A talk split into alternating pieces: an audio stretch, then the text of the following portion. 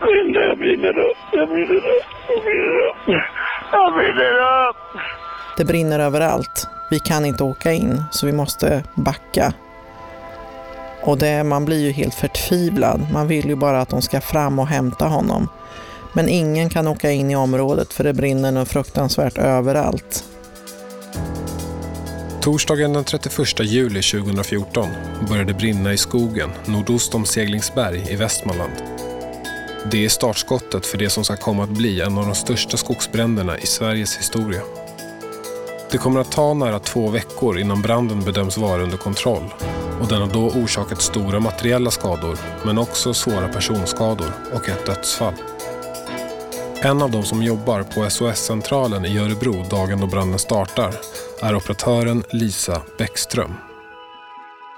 Vi hade ju haft väldigt varmt i Sverige eh, länge. Det var ju 30 grader i många, många dagar, veckor till och med.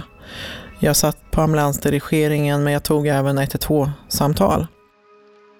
Innan jag skulle gå hem så tog jag emot ett samtal där en eh, man som arbetar i skogen säger att eh, det brinner under hans skogsmaskin då, som var en markberedare. Och jag eh, tog position och skickade ut räddningstjänsten enligt plan. Vi tänkte väl lite, vi som jobbat, kanske kommer att sprida sig lite innan räddningstjänsten kommer fram här. Men vad vi inte förstod var ju hur snabbt det spred sig sen då. Under kvällen deltar ett 30-tal brandmän i släckningsarbetet utan att lyckas få branden under kontroll. Sen så spred det här sig på, bara på något dygn till eh, ja, tiotalet hektar i alla fall. Och sen så var det ju gånger tio för varje dag som gick. Eh, tills det vart en 14 000 hektar, så det, det, det spred sig otroligt fort. Det är måndag den 4 augusti och branden är inne på sin femte dag. På flera orter pågår evakuering av de boende och skogsvirke för närmare en halv miljard har hittills förstörts i branden. Räddningstjänsten uppmanar nu privatpersoner att inte ge sig in i brandområdet för att hjälpa till på grund av riskerna. Lisa jobbar eftermiddag den här dagen. Jag börjar klockan två och eh, rätt så hastigt på eftermiddagen så, så blev det mer och mer.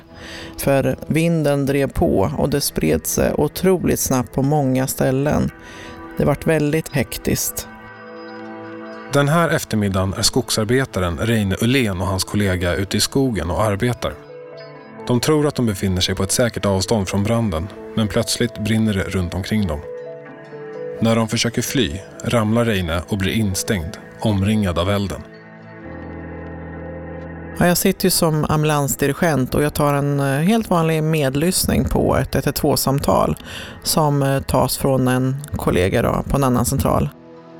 Det är en anhörig till Reine som ringer. Personen berättar att Reine sitter fast ute i skogen, men i övrigt är uppgifterna knapphändiga. Man vet inte exakt vad som inträffat eller var Reine befinner sig. Men genom personen som ringer får SOS Alarm Reines telefonnummer de har inte exakt position och eh, ja, jag väljer att skicka ambulanser och gå ur samtalet, men naturligtvis ringa.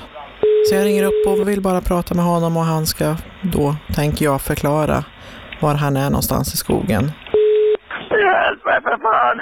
Och jag hör på en gång att det här låter illa. Hallå Reine! Hjälp mig nu!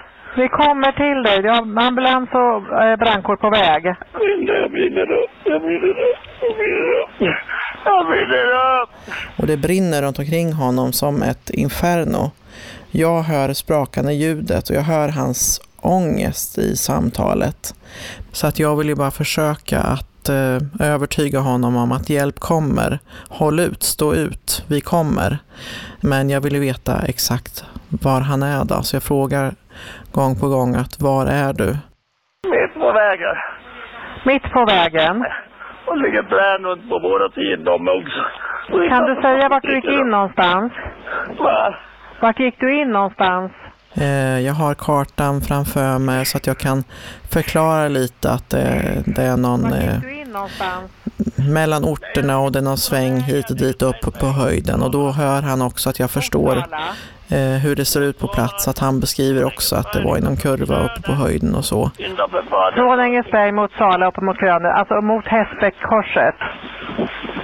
Ja, precis. Ja, Mitt på vägen mitt på vägen. Vi kommer Reine, de är på väg. Skynda fan, jag blir syret snart. Han säger gång på gång att jag brinner, hjälp mig, jag brinner. Och jag känner direkt att här måste vi rädda liv nu. Jag brinner upp, jag brinner upp. Bomba med vatten. Ja, jag ska prata med, jag ska prata med dem. Vänta lite.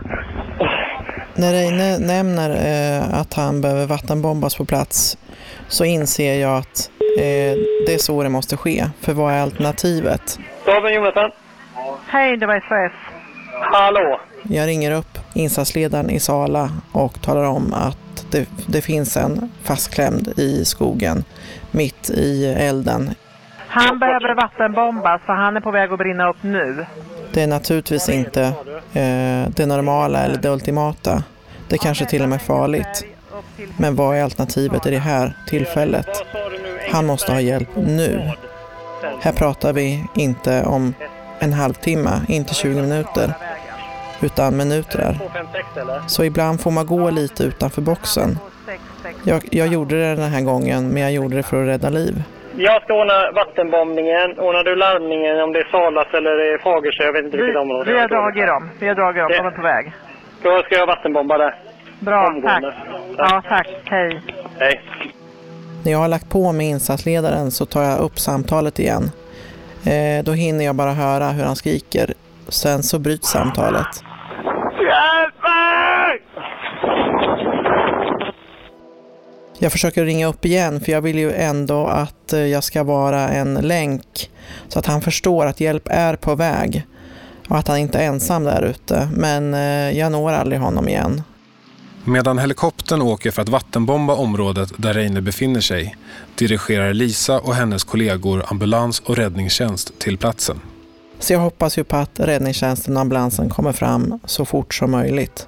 Jag har eh, radiokontakt med räddningstjänsten och ambulansen kontinuerligt för att eh, informera om vart det här är någonstans.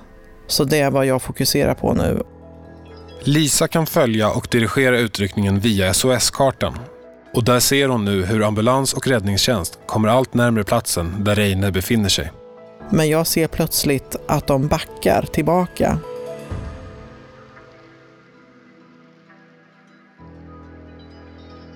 Jag ropar direkt till första bilen att är, ni är rätt. Ni måste bara längre fram på vägen. Men ni är på rätt väg. Men ett par kilometer till så kommer ni hitta honom. Varpå räddningstjänsten säger att vi kan inte ta oss fram, det är alldeles för hett. Det brinner överallt. Vi kan inte åka in, så vi måste backa. Och det, man blir ju helt förtvivlad. Man vill ju bara att de ska fram och hämta honom. Men ingen kan åka in i området för det brinner nog fruktansvärt överallt. Så att nu är det bara för mig att sitta och vänta på att de ska kunna ta sig in på något sätt. Lisa hoppas att vattenbombningen kan bli Reines räddning. Att helikoptern kommit fram och att man lyckas släcka elden runt honom. Men så är inte fallet. Något som Lisa får reda på först i efterhand. Nu var det så rökigt i området så att de kunde inte se Reine. Eh, De kunde inte gå så lågt. Så att de tog ett nytt beslut och eh, vattenbombade då vägen för att det skulle underlätta för räddningstjänsten att ta sig fram. Men tiden går utan att någon lyckas ta sig in till Reine och Lisa börjar befara det värsta. I över två timmar svävar hon i ovisshet. Då hör jag att ambulansen ropar upp mig och säger att de är inne hos honom. Vi kommer att få ut honom men vi står här vid vägspärren och väntar. Jag frågar om han lever men det vet de inte. Trots hettan och röken har några brandmän lyckats ta sig igenom elden fram till Reine. Han är vid liv men mycket svårt brännskadad. Och de trycker ju prio 1 då som är med blåljus och siren och högsta hastighet eh, in till Västerås lasarett. Och då kan man ändå slappna av att de har fått ut honom, nu kommer de bara smärtlindra och göra det de kan. Och det är ju skönt att de fått ut honom. Trots allt så finns det ju en man kvar som vi inte har hört ett ljud om. Det finns inga uppgifter på var Reines kollega befinner sig eller om han är kvar i området. En riskbedömning genomförs om möjligheten att undsätta honom. Men förhållandena är svåra och så farliga att man tvingas avbryta räddningsinsatsen. Några timmar senare, under nattens släckningsarbete, påträffas Reines arbetskamrat omkommen. Men tanken när någon faktiskt dör i den här branden då är ju att man känner att nu, nu får det vara nog. Nu, nu vill man ju att den ska bara stoppas. När den till och med tagit ett liv. Men det tar ytterligare sju dagar innan branden bedöms vara under kontroll. Den har då härjat i 12 dagar och förstört omkring 14 000 hektar skog och flera byggnader. Räddningsinsatsen avslutas officiellt den 11 september. Men för Lisa och många andra kommer branden att leva kvar länge. I och med att jag var så involverad så har jag ändå velat läst lite mera om hur det gick sen. Eh, både för de som hade fastigheter och de som hade djur. Eh, de som hjälpte till, men även eh, hur det gick för Reine. En tid efter branden sänds Hjältegalan på tv. Där hyllas de brandmän som räddade Reine ur elden. Det, det tittar jag ju naturligtvis på. Dels för att få lite info, dels för att få bli lite lycklig med dem att det här gick bra. Och sen när man ser Reine stå där med sin familj, fru och barn, ja men man blir ju glad.